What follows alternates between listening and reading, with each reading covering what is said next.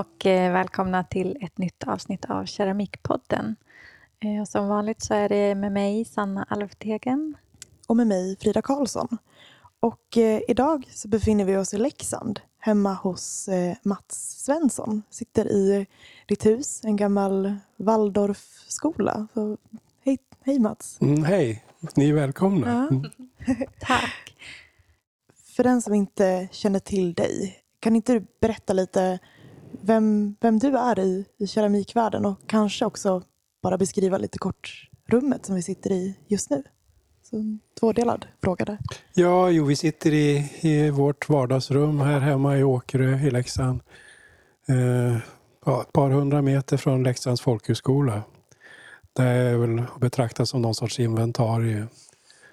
Jag har nog jobbat här i 46 år räknade jag ut häromdagen. Mm. Och vi känner ju till dig från just eh, Leksands folkhögskola för du har ju fått vara lite lärare åt oss också. Ja, ja. Mm. Mm. Och du har ju fått vara med när många olika människor har kommit i kontakt med leran. Kan du inte berätta hur du själv, när träffade du på leran och keramiken? Ja, jag hade ju hört talas om Leksands folkhögskola och jag hade gått en konstskola i Västerås Ehm, men det drog åt Dalarna. Och eh, jag var lite skeptisk till det här med att bo på internat och så. Det, det var man tvungen till att göra på den tiden. Men jag tänkte det där kan man väl lösa och flytta ut när det har gått någon månad. Mm. Men jag trivdes väldigt bra. Jag gick ju då som elev under två år. Ja. Mm. Och, och, när i tiden var det här? Det, var... det här var, jag började kursen 73-74 och sen när jag gick i tvåan så jag jobbade med grafik då också på skolan. Och då eh, kom den killen in på akademin som undervisade i, i grafik. Så då fick jag ta över det. Jag hade sysslat lite med grafik tidigare. Men eh, det drog väldigt mycket mot keramiken. Men det finns någon släktskap där mellan att lyfta ett blad från kopparplåten efter trycket och att öppna en ugn. Det är lite överraskning mm. där. Just det. Mm. mm. För så som utbildningen är idag så heter den keramisk form och det är egentligen keramik som jag och Frida har sysslat med i två år. Mm. Men då på 70-talet, då var det, det var flera ämnen. Eller var det keramik och grafik? Nej, utan det var en väldig massa verkstäder så man, man hade två verkstäder, en så kallad stor och de stora det var textil, metall och keramik. Och sen fanns det batik, makramé, eh, grafik, grovsmide. Och sen var det teckning och målning till stor del då. Och du prova, fick prova på allt det då? Ja, fast jag... Det var inte så där hugget i sten utan om man krånglade lite så kunde man få vara kvar i de verkstäder man ville. Mm. Mm. Det var ett H för huvudlärarna, förstår mm. jag ju nu. Mm. Men då efter dina två år där, blev du kvar förresten på internatet? Eh, nej, efter ett år så flyttade vi ner och bodde i något kollektiv i, nere i Leksand. Ah, okay. Mm. mm. och, men efter de här två åren, då blev du kvar och bör, tog över lärarrollen för grafiken? Ja, grafiken, det var ju lite dubbla lojaliteter höll jag på att säga. Jag var både lärare och elev. Mm. Det var lite komplicerat ibland men, men sen förstod jag att skulle jag fortsätta så skulle jag vara lärare. Mm. Och jag fortsatte med grafiken och eh, jobbade mycket i, i keramiken ändå. Mm. Eh, och sen, eh, jag tror det var 75 eller någonting sånt som, som jag blev erbjuden att, att jobba som lärare i keramiken. Mm. Men lärare var väl att ta i för att det var väl mer att vi gick dit tillsammans och så jobbade vi. Mm. Och en del kunde mer och andra kunde mindre. Men det är det sättet som skolan har fungerat under alla år, att man, man lär sig av varandra, att man delar med sig. Mm. Så den här folkbildningstanken har ju funnits med under alla år. För att man går ju inte på Leksands folkhögskola för att man vill bli konstnär eller konsthantverkare utan för att man gillar. Man, det är väldigt motivationsstyrt. Sen är det en annan sak att väldigt många har ju sen blivit yrkesverksamma inom de här olika ämnesområdena. Men att du eh, fick ta dig an lärarrollen, var det någonting som var självklart för dig eller minns du när du stod inför det valet? Ja, jag gillade ju att undervisa. Jag började undervisa som lärarvikarie i grundskolan när jag var jag precis slutat gymnasiet. Mm. Det kom någon sån här Hongkong-influensa tror jag det hette. Och då var ju alla lärarna sjuka. Och då hade jag anmält mig på vikarieförmedlingen. Så att jag jobbade som lärare under rätt så några år. Mm. Utan att ha någon utbildning på olika nivåer. Till och med undervisat i spanska. Kunde inte ett ord. Eller så skulle man prata om dagmaskar i dubbeltimme. Så där fick man gå till biblioteket och läsa på. Mm. Bara att lösa det. Mm. Mm. Alltså du var ändå, ja men du hade lite erfarenhet av att vara lärare och, och, och visste att du trivdes liksom i den Ja, rollen. fast nu för tiden så är det, skiljer man väldigt mycket på, på de här olika rollerna. Att en är lärare och huvudansvarig och sen är det elever. Så var det inte tidigare. utan Alltså, det tycker jag fortfarande att om man går på en sån här utbildning då har man ett delat ansvar för kvaliteten på undervisningen. Att det är högt i tak, att man ska kunna se vad man tycker. Att ingen ska ta illa upp för det. Och att man hjälps åt att utveckla jobbet i verkstaden. Så, så att jag liksom har nog aldrig riktigt förstått att jag har varit lärare. Mm. Men någonstans där på vägen så slutade det med att du enbart undervisade i, undervisade i keramik. Ja, när, ja. när skedde det? Ja, kanske 75, 76 mm. eller något år efter. Jag hade kanske grafiken kvar mm. ett par år också. Där. Och, och, du sa att du tyckte om keramiken ganska tidigt. Det var ett av, av de ämnen du fastnade för, grafi, grafik och keramik egentligen. Ja, Kommer eh, du ihåg? Det var så otroligt naivt. Alltså, jag hade ju hört talas om eh, att den här läraren som jag hade under det första året, att när han behövde pengar då drejade han ett par hundra muggar. Och sen åkte han hissen upp i något höghus och sen knackade han dörr och sålde muggar. Och det gick ganska bra. Jag tänkte det här kunde vara bra att kunna. Så, men eh, så jag drejade väldigt mycket muggar faktiskt. det här första året. Mm, mm. Knackade du på? Nej, jag har aldrig varit så intresserad av den andra delen utan det är själva görandet som... Mm. Sen tappar jag lätt intresset sen mm, när det väl är klart. Mm. Eh, men kommer du ihåg liksom vad det var du tyckte om med, med leran? Just Ja, fast det tog ett tag innan jag förstod det. Eh, det är ju otroligt unikt material, hur, man kan hantera det. Man kan ha en lerklump och slita den i två stycken och smacka ihop den igen. Man kan jobba med den i olika stadier. Man, man kan liksom återanvända den, man lägger i vatten. Man kan knåda om om det inte har blivit bra när man har drejat. Mm. Så det är ju unikt och ett väldigt sensuellt material också som svarar mot händerna. Mm. Och Sen är det ju det här med knådningen och värmen och jag tror att jag var nog närmare 30 när jag kom på att ja, men mor var ju bagerska mm. och far var svartsmed. Mm. Så att det här eh, intresset för liksom hantverket och det, det har jag liksom mm. burit med mig min, från min familjekultur. Ja. Mm. Mycket taktilt arbete. Så. Mm. Mm. Och under dina år som lärare, jag tänker att eh, du som inte har någon formell utbildning mm, själv, mm. har du sett det som ett hinder eller har det kunnat vara en fördel för dig när du ser elever komma?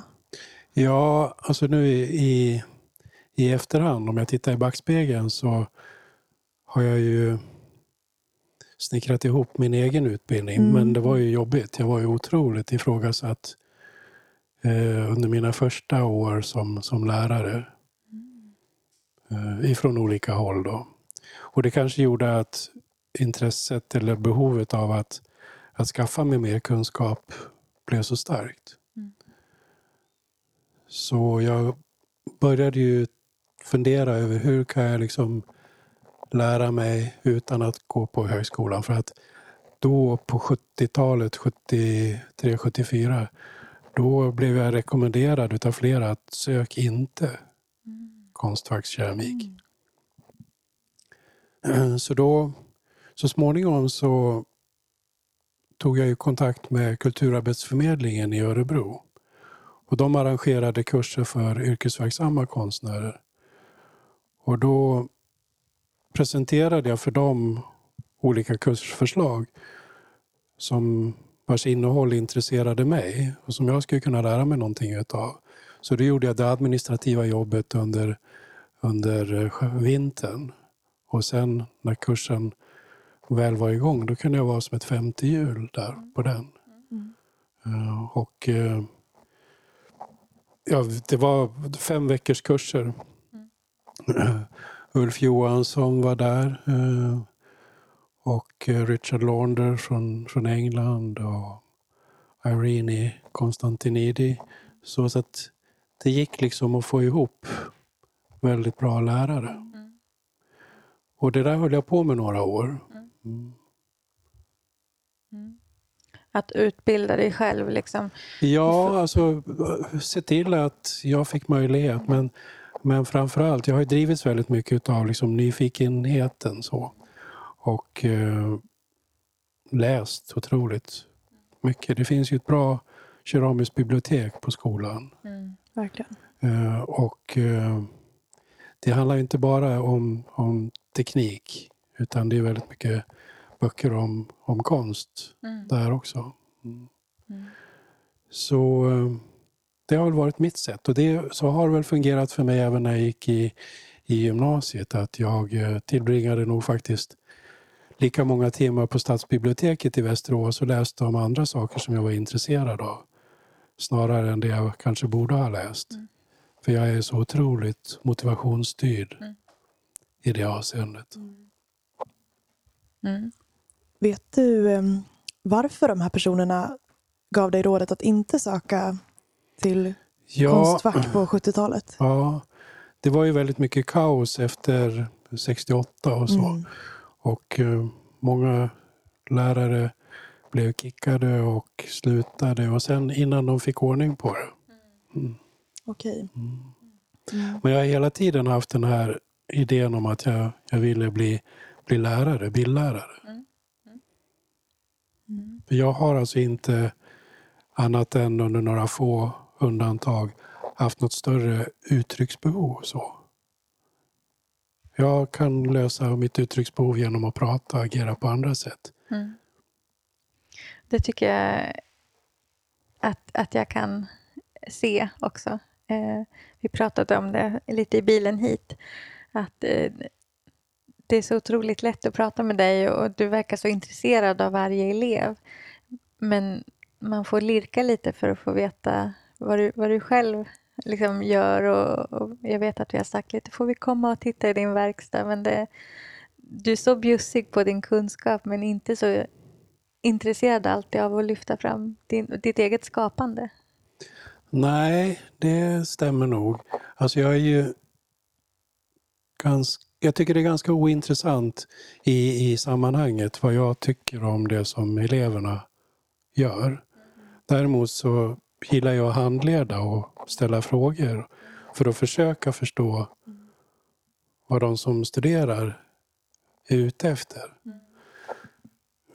Och då kan jag ju liksom mer, när jag fått någon sorts uppfattning om det, tipsa, läs det och det. Eh, det kanske redan är gjort och då plockar jag gärna fram bilder på det så att man har det att förhålla sig till. Eh, men också att man, eh, att man lyssnar och hör och sen kan man plocka någon bok i biblioteket och sätta i händerna. Mm. När det handlar om det rent tekniska. Eller kort beskriva olika sätt. Du pratar lite om att, att folkhögskoleutbildningen, att det, alltså, att det är en en utbildning som klass och lärare skapar tillsammans, att det inte bara är liksom läraren som ska Nej. lära.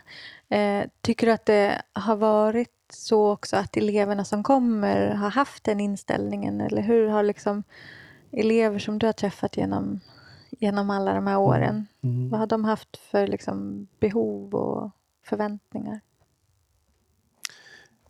Ja, det brukar ju ta ett tag innan... Alltså man, det finns ju en, eh, vad ska jag säga, en, en kultur som sitter i väggarna eftersom det är både årskurs 1 och årskurs 2. Så tvåorna överför ju en sorts kultur till ettorna. Att här, här delar man med sig varje morgon när man har samling och man drar varvet runt vad alla håller på med. Så, ehm, så hakar man ju på varandra och tar reda på ja, okej, hur gjorde du det här och det här?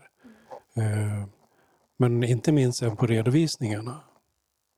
Och då, om alla jobbar väldigt mycket utifrån vad de själva vill och det är det som tar tid att komma fram till. Um, man har ju alla de här förebilderna som spökar och liksom plockar ner det här på ruta ett.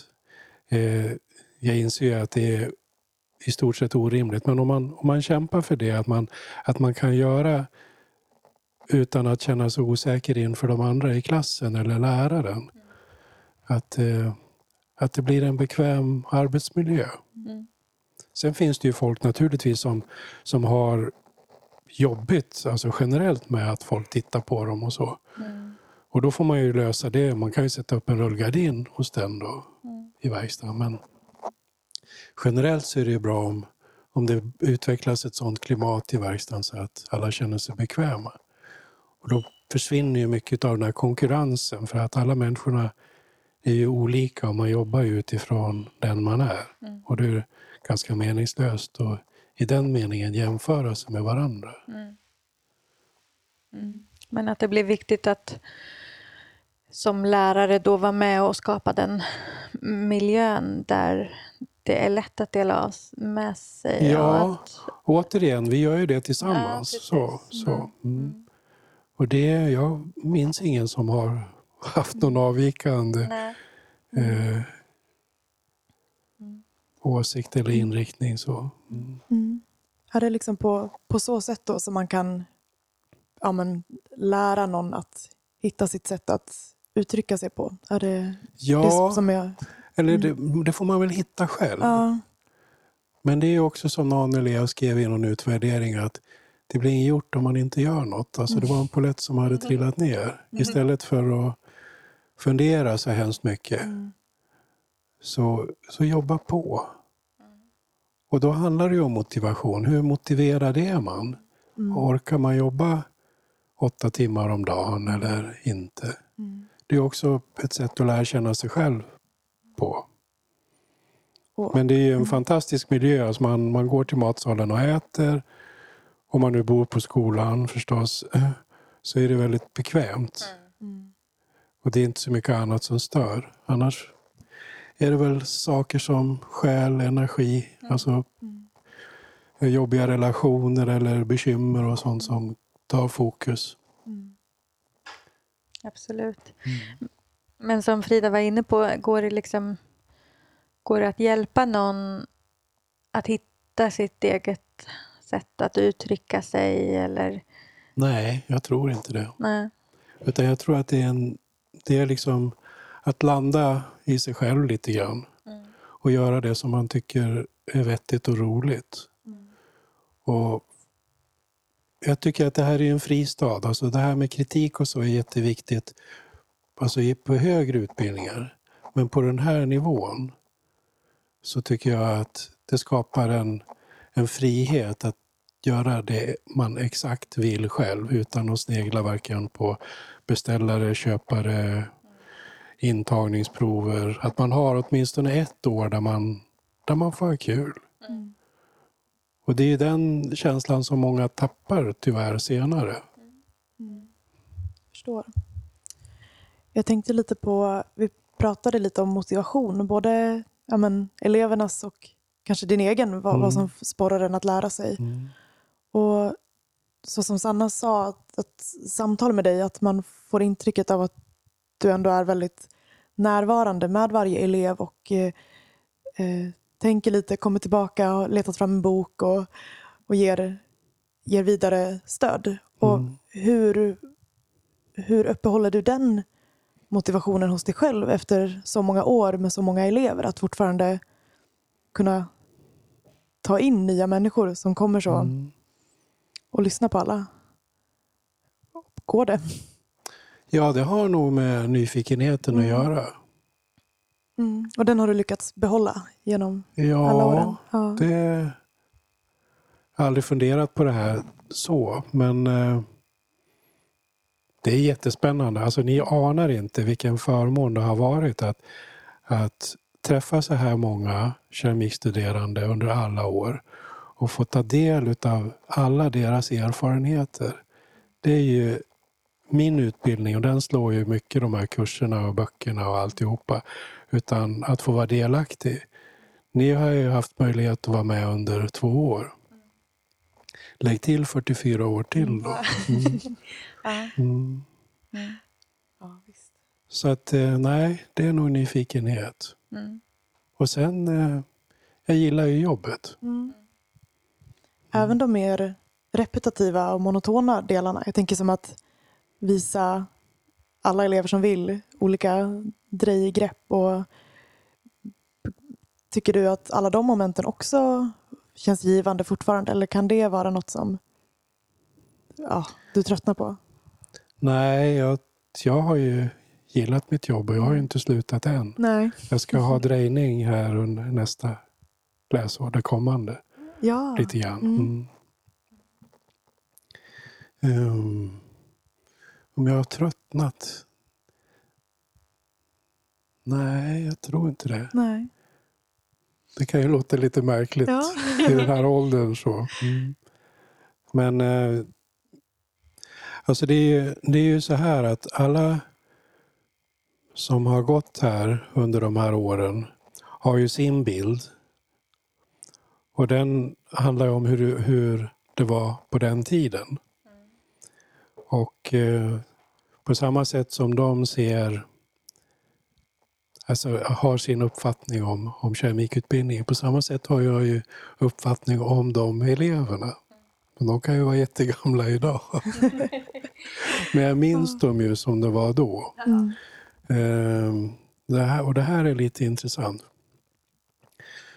Ehm, men ni frågade också om jag hade tröttnat. Alltså det var väl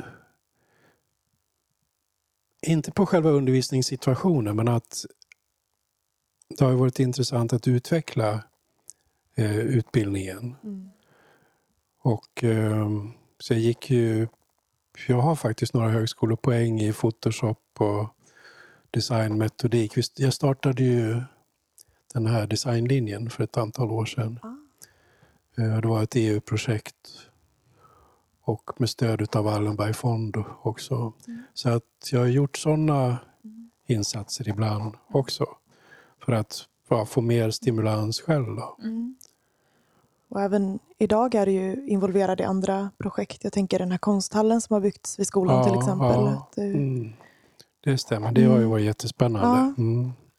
Även fast du inte är i, i undervisningsrollen varje dag så är du ju Nej. högst närvarande på Nej. skolan ändå. Mm. Sen blev det ju en riktig kick det här med, med Kina. Jag har ju varit i Japan tidigare. Ehm, fast Japan, första Japanresan det blev väl mer en matresa faktiskt. Var det en, en Japanresa med elever? Nej, Nej, utan egen. vi hade en gästlärare, Seshin, Mm. som var på skolan under några månader vid ett par tillfällen. Och vid det sista tillfället så byggde vi Anagama-ugnen då, en sommar. Mm. Ja, det var 2009-10 tror jag att det ja, står någonting på ugnen. Ja, ja. Mm.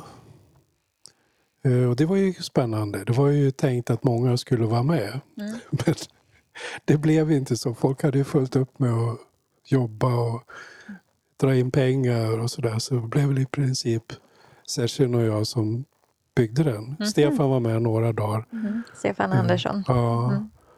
Ehm, Ja, det var jättespännande. Mm. Men, och efter det besöket så åkte du till Japan?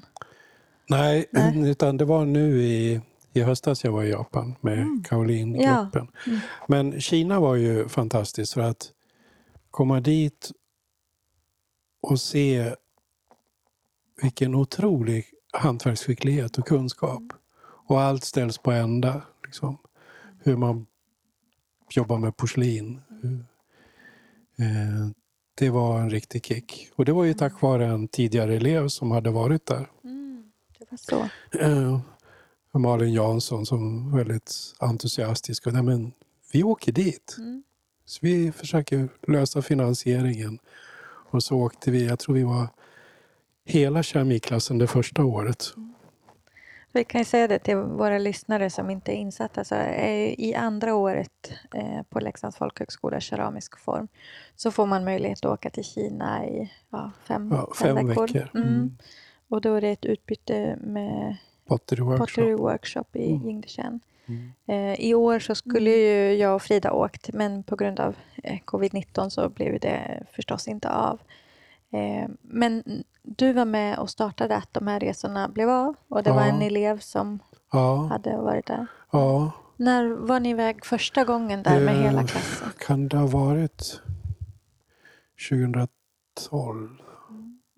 Kan det ha varit. Och sen har jag varit med då alla år sedan dess utom ett. Då. Mm. Och då har ni varit en, en grupp på ja, sex elever eller så? Ja, sex, sju elever. Ja. Uh, och eh, så vi har ju ett pågående samarbete med Pottery mm, Workshop. Precis. Och vi har ju då också fått studenter från, från Kina som har gått till Leksand. Mm. Mm. Och personalen därifrån har också varit i Leksand. Mm. Men det resulterade i sin tur till eh, alltså de här masterclasses i keramik som vi har haft sedan ett antal år tillbaka. Mm. Och då fick vi stöd av Leksands Sparbank i början för att dra igång det här. För att det kostar ju att flyga in lärare från USA och Kina. Och, eh, men det var ju mycket tack vare de kontakter vi fick i Indersen. För det kom ju konstnärer från hela världen dit. Mm. Och då är det masterclasser som har varit på sommaren, ja, eller hur? Ja. Mm. Så, så om vi funderar lite grann på hur man kan lära sig saker och, utöver att gå på folkhögskola så är det ju att, att, att man tar sig tid. Och man får ju lägga pengar på det också för man kan ju inte jobba samtidigt. Eh, att gå kurser och plugga. Och då menar jag inte bara kurser i det tekniska utan alltså kurser i konstnärlig träning också. Och det finns ju otroligt mycket runt om i världen. Mm. Mm. Och jag tänker att du sa att det blev som en, en, en kick när ni hade varit där i, i, i Kina och Japan. Mm. Och har det influerat den keramiken som du gör? För jag tänker att du använder ju mycket sådana här traditionella mm. stengodsglasyrer. Mm. Har de här resorna eh, inspirerat dig i i det du gör? Det är snarare att det sammanfaller med vad jag har gillat tidigare. Mm. Alltså då på, på 70-talet så var det ju mycket det fann, nätet fanns ju inte utan det fanns keramisk handbok och så mm. Eh, elementär keramik. Mm. Två, två sådana böcker. Sen man åkte till London eller till Köpenhamn så man gick in på de stora bokhandlarna så fanns det ju mycket inte så värst mycket heller, men det fanns ändå litteratur på, på engelska. Mm. Och... Eh, men eh, jo, influenserna då. Mm. Och då så kom det ut en stor bok om Hamada, Shoye Hamada, eh, som betydde mycket för mig. Och Janagi, The Unknown Craftsman ja. och det här. Eh, så sen nu på gammeldagarna när jag roar mig och, och gör egen keramik så är det som att jag har startat om där jag slutade en gång i tiden. Mm. Mm. Men vi höll ju på, vi började reduktionsbränna. Folkhögskolan hade ju en tidigt, alltså redan då på 73 en gasolugn. Så vi läste de här recepten i Leeds handbok och mm. Readash, ja men vi gick ner till kärnen och slog vassen på vintern och fick vass aska. Och, och sen, ehm, det var ju de influenserna. Men sen såg jag också, vi åkte skolan till Stockholm på något studiebesök till Herta Hilfon och eh, Kenneth Williamson ställde ut på Dr. Glas. Och det var mycket Temok och, eh, askglasyr. Och samtidigt så fanns det på NK en stor utställning med Harry Stålhane som också mm. jobbade med de här klassiska glasyrerna. Så det var en fantastisk studieresa de två dagarna i Stockholm. Mm. Så det var ju mm. det här bruna, murriga som mm. har varit så föraktat under alla år. Eh, men som nu har fått någon ny renässans i vissa kretsar. Då. Mm. Ja, jag tänkte på det du sa alldeles i början också, att du själv inte har upplevt att du har ett så stort behov av att uttrycka dig just keramiskt, att det finns andra sätt att uttrycka dig på. Så det känns som att du har ett väldigt ja, men, intresse för, för materialet och också eh, historisk keramik. Som att, ja. Det känns som att du förhåller dig till ja, ja. En, jo. En, ett arv och att det finns mycket. Mm. Det är inte mycket nyskapande i det. Men... Ett förvaltande kanske? Förlåt? Ett förvaltande kanske? Ja, eller det, det är väl mer att roar mig. Mm. Eh, jag har ju lite jobbigt med symmetri så. Mm. Så de här materialen jag jobbar med som får bära sig åt lite grann som de vill. Det tycker jag är spännande. Mm. För min mm. egen del. Kan du inte berätta lite vad det är för liksom, för verk som du gör idag och hur det går till när du gör dem? Ja, eftersom jag inte liksom direkt, jag är visserligen med i Kaolin men jag är väl inte så aktiv då. Så gör jag det för mitt nöjes skull. Alltså det är som vem som helst som går på kvällskurs.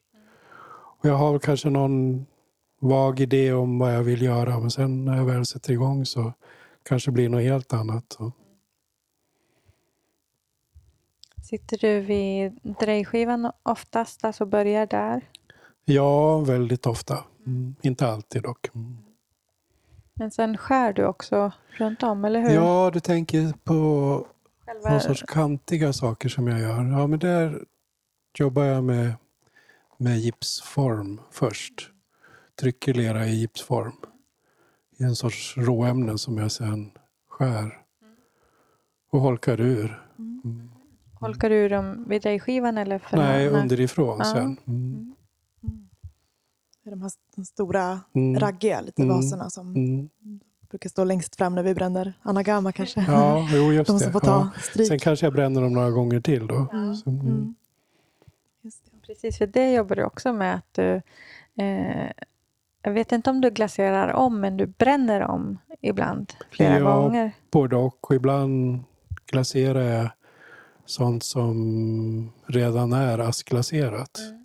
Utav, med hjälp av ugnen. Då. Mm. mm. Det.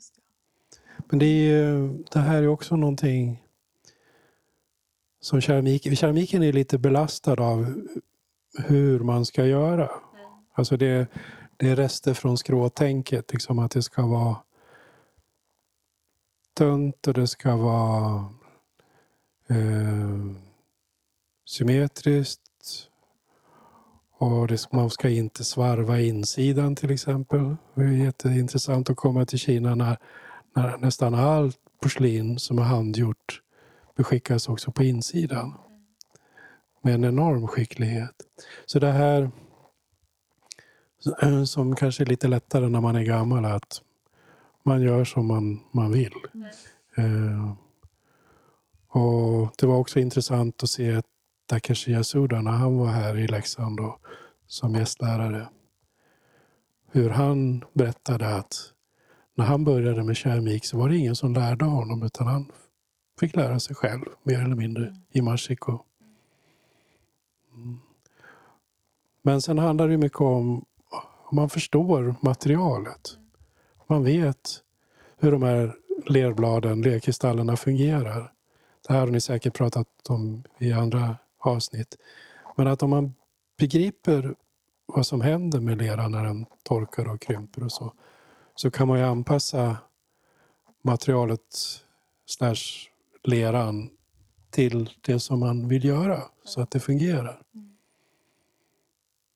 Att du utnyttjar det som händer? Ja, ja, det kan man ju också göra. Eh, om jag inte skulle vilja att mina skålar nästan smälter eh, så skulle jag ju bränna lägre och justera glasyren eller välja en annan lera.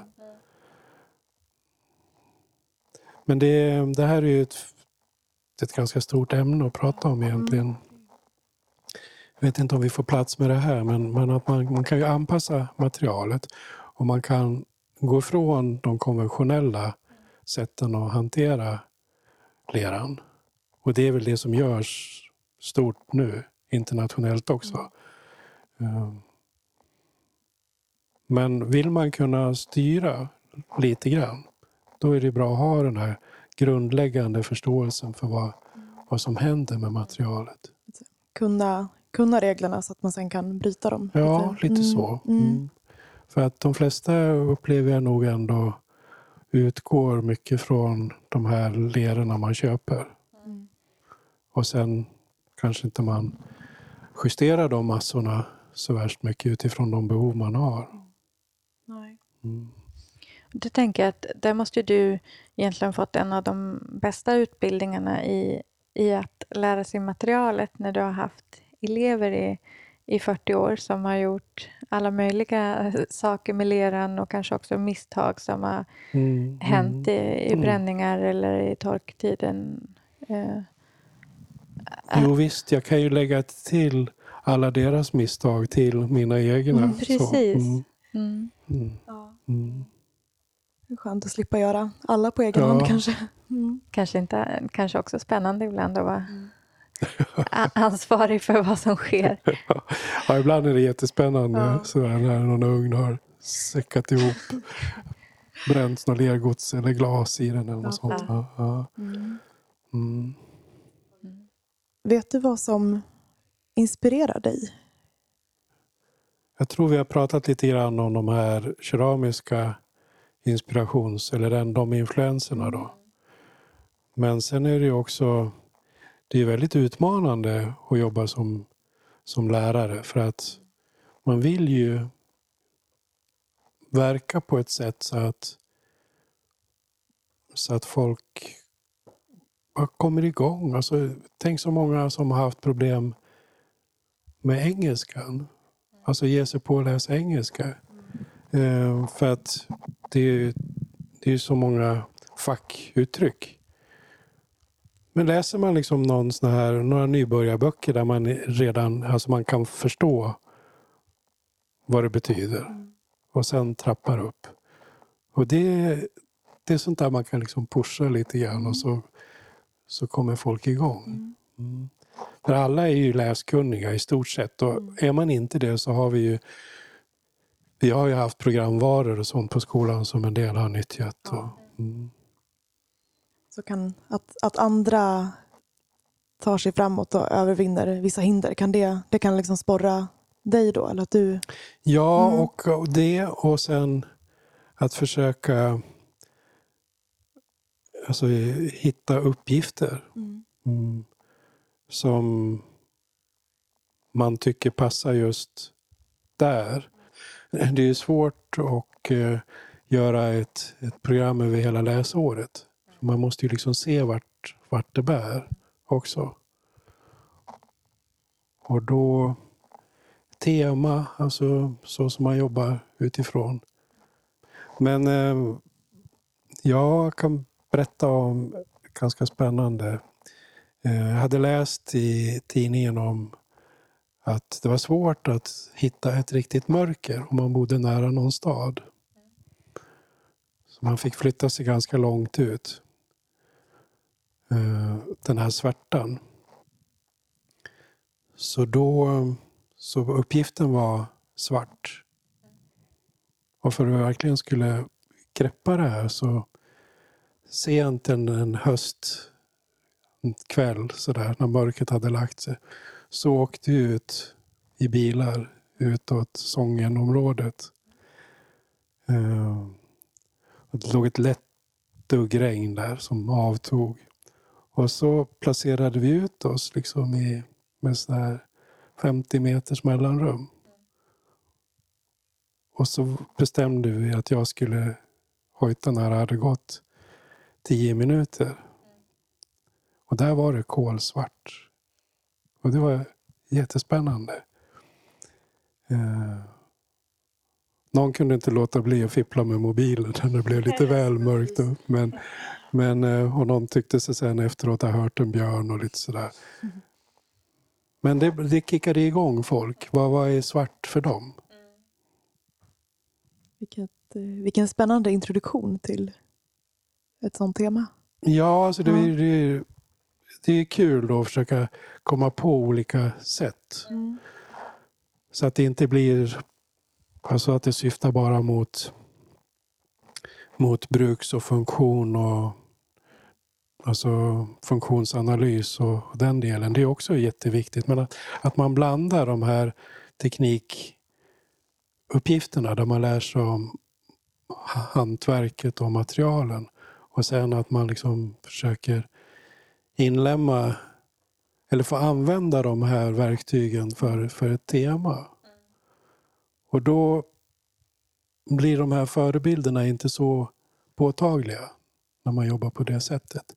Och sen är nästa steg att ge sig själv att formulera sina egna uppgifter. Eller uppgifter, tema. Det som man blir berörd utav. Ehm, en annan så vet jag att ja, men, jobba med det som du har blivit engagerad av starkt under den senaste månaden. Och det visar sig ju och då vet ju man ju inte från början vart det ska mynna ut till. Men om man tar, ger folk betänketid och så berättar de det. Och sen är det deras tema. Eh, det här tycker jag är spännande. För det blir ju samtal sen mm. kring det här. Om det är någon som har hört någonting på radion eller det kan vara musikstycke eller bok, ett möte. Mm. Så. Mm. Men starka känslor. Mm. mm. Har du själv någon, någon lärare eller så som du minns som har inspirerat dig eller som du har plockat ifrån att det här vill jag ta med mig när jag träffar elever? Ja, jag har nämnt för er att jag hade en lärare som heter Lars Målare. Mm. Och eh, han introducerade alltså konst, konsthantverk, folkkonst, musik, både akademisk och folklig musik på ett sätt för oss som, som gick som elever. Som öppnade väldigt många dörrar för mig.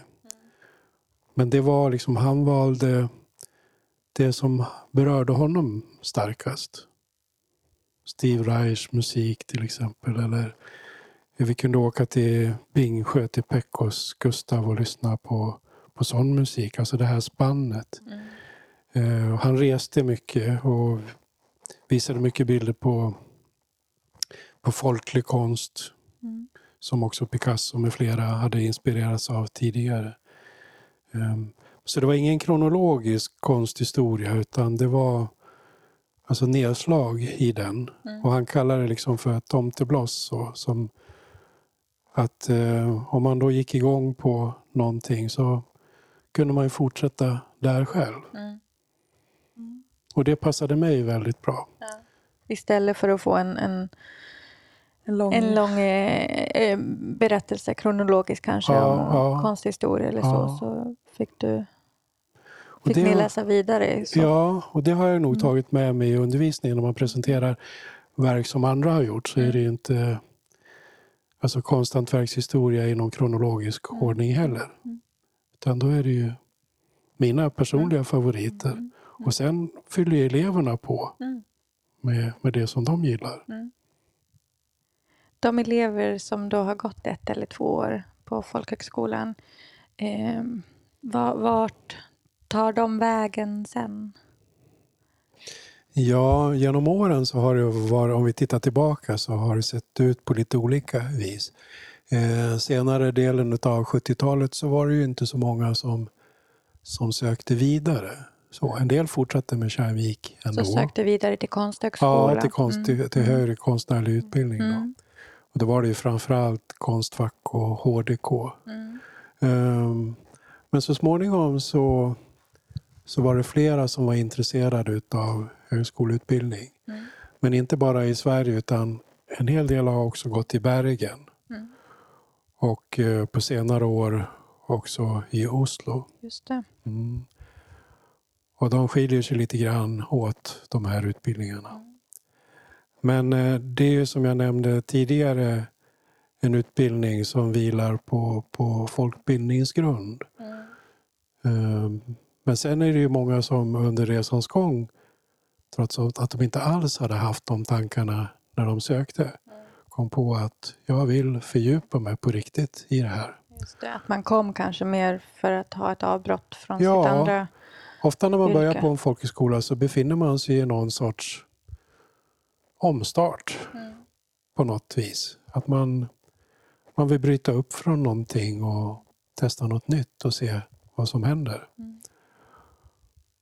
Och en del väljer ju då Konstfack eller ja, de här motsvarande skolorna. Eh, och eh, har man då hittat sin egen motor och är alltså hyfsat självständig i sitt arbete, då får man ju ut otroligt mycket. Men det gäller ju att ha den här verktygslådan fylld alltså med, med teknik och förståelse för materialet och allt det här. För att de här utbildningarna är ju inte några hantverksutbildningar utan det är ju konstnärlig träning. Då. Och där såväl som på alla andra skolor så handlar det väldigt mycket om hur man utnyttjar tiden. Hur mycket krut man lägger varje dag. Mm. För det är otroligt dyra utbildningar. Och jag tycker att man ska tänka efter väldigt noga. Man räknar med att det kostar kanske närmare 500 000 fem år i studiemedel. Mm. Och sen ska man vara riktigt ärlig så måste man ju räkna in alltså förlorad arbetsinkomst mm. för de åren också. Då är man ju uppe i närmare en miljon. Mm. Och då kan man ju tänka, vad kan jag, hur kan jag utbilda mig på egen hand eller på andra sätt för de här pengarna? Mm. Ehm, men det här är också ett ställe där man liksom lär känna andra inom, inom ämnet, mm. inom branschen. Så att eh, kontakterna är viktiga, likväl som att se vad som sker i samtiden. Det kanske syns mer på högskolorna. Mm. och naturligtvis stort antal gästlärare. Ja, lärare. Och där skiljer det väldigt mycket åt de här högskolorna hur mycket resurser och hur mycket hur mycket kronor per elev, om mm. man räknar så, som erbjuds. Då. Mm. Men jag skulle ändå önska att, att eh, man inte var så konsekvent med på plats en utbildning utan att man, man kunde erbjuda flera distansutbildningar, kanske varierande längd. Men om man kan visa att man har tillgång till en verkstad och sen så, så så deltar man i, i vissa delar på plats, mm. självklart. Mm. Men att man också på grund av familjesituationen eller annat, eller bostadsfrågan till mm. exempel, att man inte skulle behöva bo i de här dyra mm. städerna. Och jag tror att det skulle öka söktrycket till de här utbildningarna rejält. Så att det kanske kom upp på de nivåerna som fanns på, på 80-talet, 80-90-talet. Jag tänker att det också skulle kanske förändra eh, ja, men, skapa en större variation av, av, av, elever som, som går där. Ja, jag förstår hur du menar. Jag tror att det, det, är alltid, det handlar ju om gruppdynamik. Jag är, jag är väldigt osäker på i vilken mån man, mm. man faktiskt samarbetar eller har glädje av varandra på, på högskolan om jag ska vara ärlig. Mm. Eftersom man jobbar på väldigt olika tider och så. Jag vet inte heller i vilken omfattning de utländska universiteten erbjuder distansutbildningar. Men det kan ju vara någonting att titta på. Mm, det kan det. För att det är ändå någonting speciellt att ha en, en masterexamen. Det ger ju någon sorts tyngd åt, åt eh, jobbet. Att man, att man har det. Mm. Men eh, elever som har gått då i Leksand, de som har sökt till eh, konstnärlig vidareutbildning, de har främst hållit sig här i, i, liksom i grannländer. Jag vet, det finns en skola i Danmark också, och du pratade om mm. Norge. Ja, Karin Nyström gick, och med flera, mm. eh, gick ju i, eh, i Kolding mm. eh, och i eh, Bath mm. har också mm. någon gått. Mm. Australien, mm. någon. Mm. Är det också en del elever som du har haft som har um, bara haft uh, ett eller två härliga år här och sen gått tillbaka till sitt andra yrke? Oh ja, det är mm. jättemånga. Um, men som, som ändå fortsätter. Många fortsätter med keramik ändå, på något mm. sätt. Mm. Men räknar inte räknas inte som yrkesverksamma eller mm. någonting sånt. Jag hade någon ekonomikurs för många år sedan eh, som sluttamp på en sån här kulturarbetsförmedlingskurs. Ja. Och ekonomläraren var så väldigt brydd efteråt för att han tyckte att de var ju hobbykeramiker allihopa. Mm. Alltså med tanke på hur mycket de tjänade. Och de, de jobbade inom en massa andra yrken. Mm. Eh, men ville ändå identifiera sig som, som konstnärer. Mm. Och det kan man ju förstå om man har lagt de här pengarna på en utbildning. Men även andra som inte hade högskoleutbildning ville ändå definiera sig som, som konstnärer. Mm. Det här är rätt intressant. Mm. Mm. mm. Eftersom ingen liksom hade någon inkomst som gick att leva på Nej. från keramiken. Mm. Förstår. Mm. Det här med lärling, det har kommit till lite senare. Mm. Eh, men det är också en väg att gå efter. Absolut. Ja, ja. Det är mer mot krukmakeri ja, eller som ja, brukskeramiker. Mm. Och det är fantastiskt att den som, som tar lärlingen också får lite betalt. Då. Mm. Uh, och det, är många, det finns inom många hantverksområden mm. som lärlingssystemet fungerar. Ofta är det ju att någon äldre ska trappa ner eller lägga av och vill ha någon yngre som tar över. Och då sker liksom ett, ofta ett väldigt bra samarbete. De unga kan ju liksom det digitala företagandet, alltså med, med, med de hjälpmedlen. Mm. Uh, och de äldre kan liksom själva hantverket. Mm. Men då är det liksom mot, mot krukmakeri. Mm.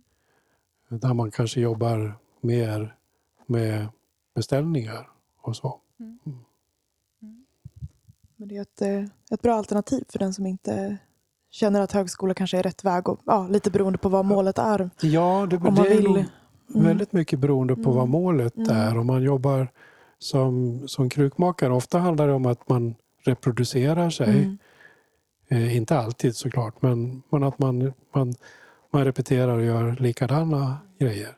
Och eh, om man, många känner ju en enorm tillfredsställelse i att, att göra det mm. och bli skickligare och skickligare på det. Och andra tröttnar.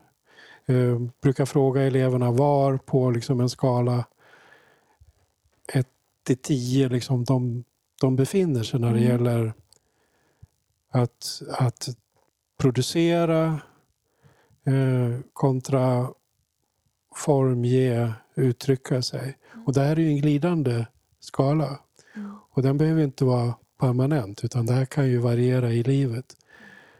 Men det är det som är lite fantastiskt med det här begreppet konsthantverk ändå. Att, att eh, har man ingenting att uttrycka så kan man ägna sig åt hantverket. Mm. Jag vet att jag har varit på en utställning av dig på Kaolin. Det mm. var, var det två år sedan nästan? Mm, det stämmer nog. Mm. Ja vart, kan man, vart kan man se och, och, eller köpa den keramik som du gör om man är nyfiken på vad du gör? Um, ja, det är nog mitt Instagram.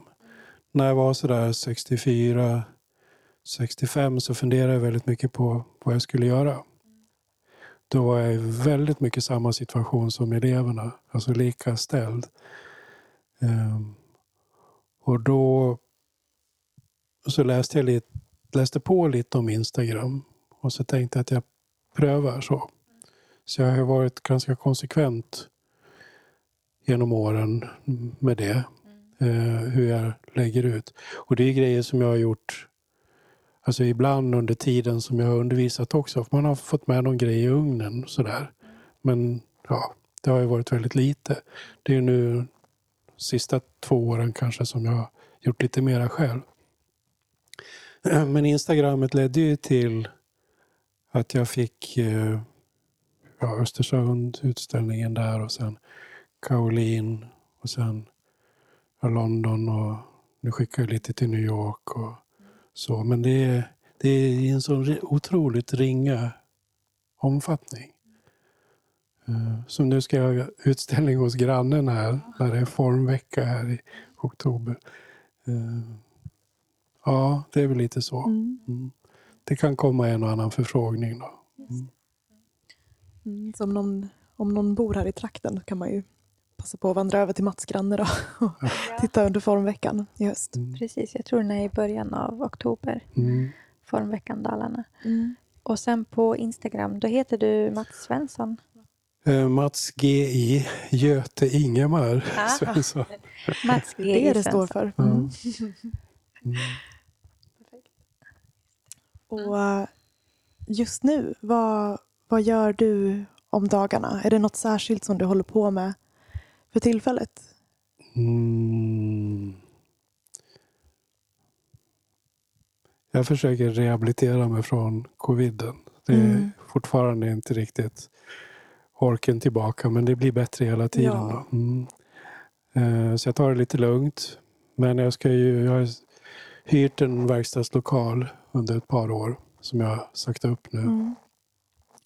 Och eh, kommer att ha lite verkstad i Wallengården framöver. Som det ser ut just nu. Då. Mm. mm. Också här i Leksand. Mm. Ja.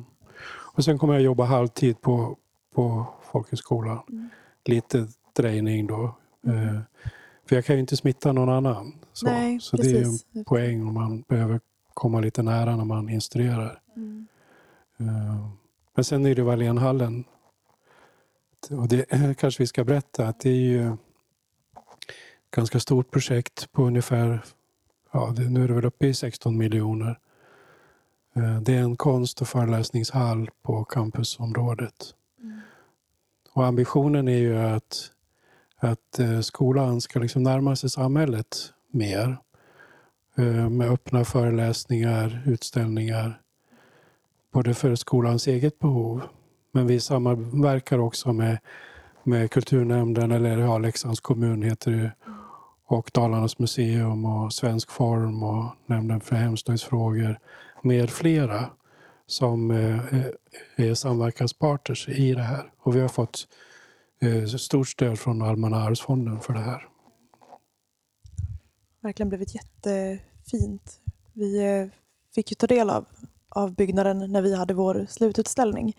Men då var det ju mitt under ja, brinnande coronavår. Ja, så ja. Att, vi ställde, ja, vissa verk stod inomhus och så fick man titta utifrån. Då. Mm.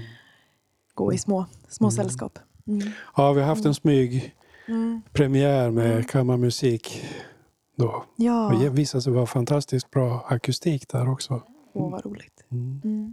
Ja, det ska bli spännande att se vad som kommer att finnas i den lokalen framåt. Ja.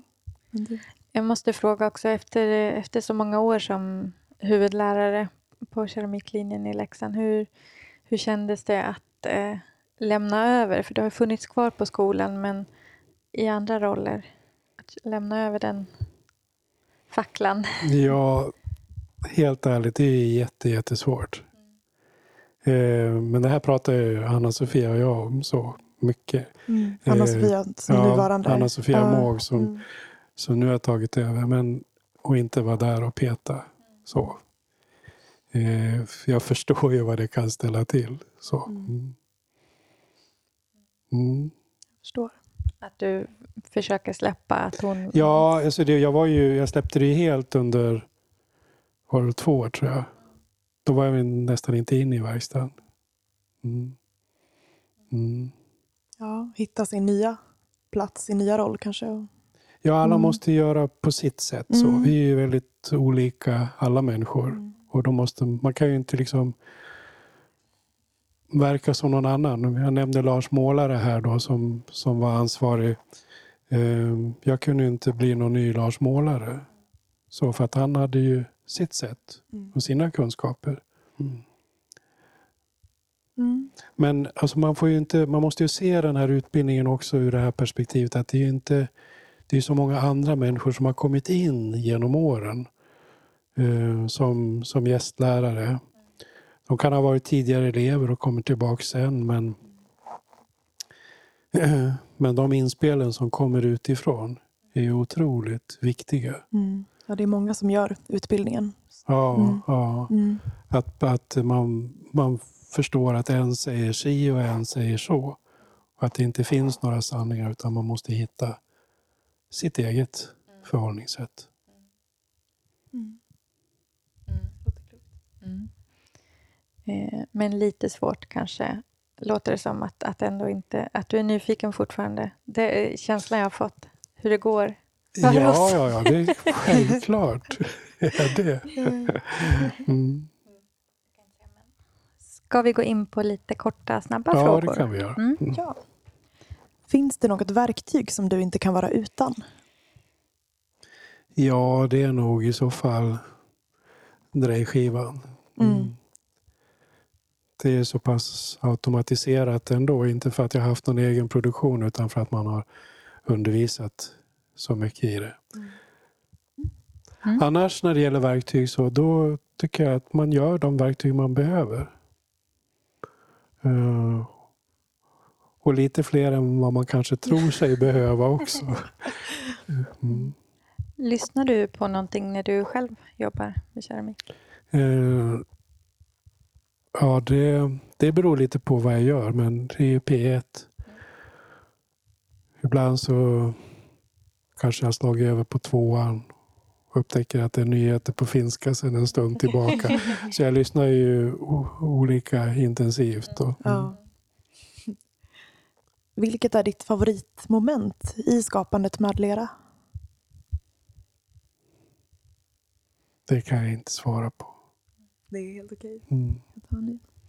Finns det någonting som du inte tycker om eller vad tycker du minst om att göra? Eh, glasera. Mm. Men det, det har blivit lättare för jag, det får det bli som det blir. Släppa kontrollen lite. Mm. Eh, har du någon sån här smart lösning som du vill dela med dig av? Någonting som du har löst i verkstaden? Något, något problem?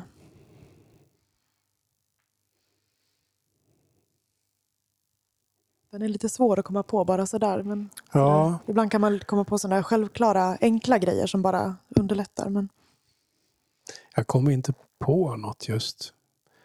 Eh, Jag tror snarare att jag har snappat upp saker. mm. Eh, Jag snappade upp mycket i Kina Mm. och kan ta ett sånt enkelt exempel som att man bockar ett badmintonracket så att det är 90 graders vinkel. Mm. Eh, Och sen ställer man grejerna på själva nätdelen och håller i handtaget och så doppar man i glasyr. Mm.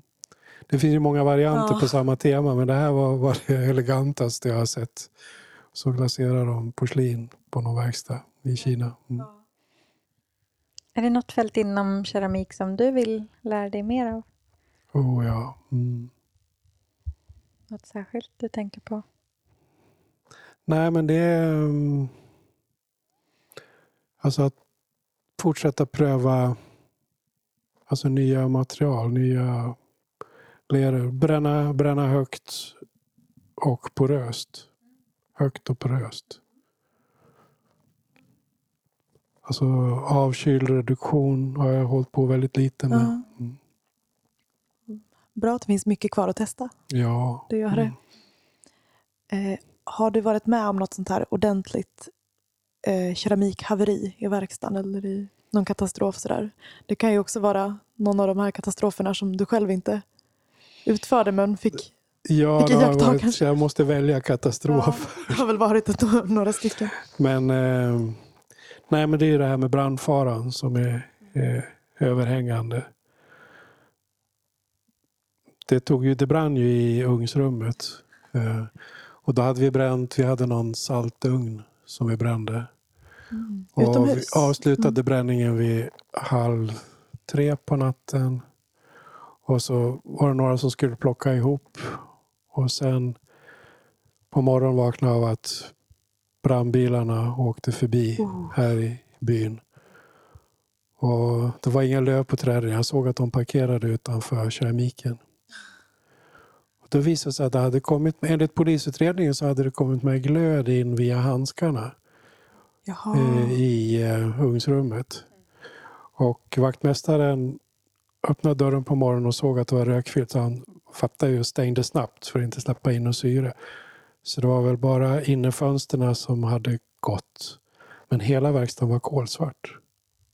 Varenda pryl var kolsvart. Alltså inte bara ugnsrummet utan hela verkstaden. Där hade det brunnit i tork, alltså i Oj. brädor och så. Ehm, ja, men eh, alla bet ihop, hela klassen.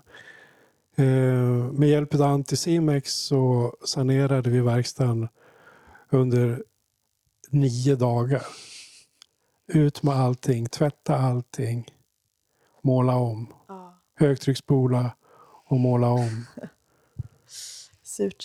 Och eh, kompensationen blev ju eleverna fick en vecka extra. Eller om det var två. Okej. Mm. Ja, man ser inga spår efter det idag i alla fall. Ja, jag kan se lite spår. Du kan det? Ja, sprucket golv i ugnsrummet. Ja, är det från... Ja, Ja, okej. och hyllorna är vitmålade. De var rätt så brända. Mm. Ja, det var Mm. nog det värsta. Ja, det var rejält. Mm. Eh, Vem eller vad får inte komma in i din verkstad? Alltså min egen? Ja, helst inte någon. Inte någon? Nej. Nej, men det handlar mer om att eh, alltså, lugn och ro. Mm. Mm. Jag förstår. Mm. Är det någon som inte får komma in i skolans Nej. verkstad? Mm. Det skulle jag välkommen. inte kunna tänka mig. Nej. Om du inte höll på med keramik och utbildning, vad skulle du hålla på med då tror du? Eh, matlagning, Ja. alltså i någon, eller gastronomi snarare. Mm. Mm. Huserat på Grythyttan istället kanske? Ja, Vore väl det andra stället? Då. ja nej, men det, är- det är nästan lika stort intresse. Vad gör du eh, om du kommer till verkstaden och inte har någon kreativitet? Inspiration? Nej, men det är inspiration, det där begreppet tycker jag bara är jobbigt. Det är, det är så lätt att vika ner sig då, men det handlar ju inte om... Ja, för det första, har man i grunden någon sorts motivation, då, om man inte är sugen på att jobba, då beror det ju på någonting som kanske inte har med keramiken att göra. Och eh, då tror ju jag, i alla fall för, för mig, att sätta igång ändå. Så avleder det. Eh, Men det är jag. En del tycker det är bra att ta en promenad eller ligga och sova eller så. Det är lite olika. Men begreppet inspiration. Det är klart att man kan känna sig inspirerad men om man skulle gå bara efter det då skulle det inte bli så mycket gjort för de flesta. Nej. Så du sätter igång med någonting. Ja. Är det något särskilt du vet det, så här, "Nej, men det här är bra att börja med att städa eller dreja? Ja, eller? precis. Det är ju städa och röja, slamma lera, alltså blanda, väga glasyrer och sånt som, som inte egentligen kräver något. Och eh, till sist, vem tycker du att vi ska prata med i Keramikpodden? Eh, Då tänker jag på dels Karin Edin i Tällberg Ja. eh, som praktiserade hos Bernard Leach på 50-talet. Hon är nog rätt så gammal men jag tycker ni ska göra ett försök. Mm. Och sen tänker jag på någon betydligt yngre då. Och det är ju, det är ju Karin Bengtsson. Ja. Eh, ja, jag har många att föreslå. Mm. Vi får hämta hela listan sen. Mm, Be om den. mm. Ja, jättebra tips. Ja. Och tusen tack för att vi fick komma hit. Okej, nej men det var kul. Det var Tack ska ni ha. Stort tack Mats. Hej. Hej. Hej då.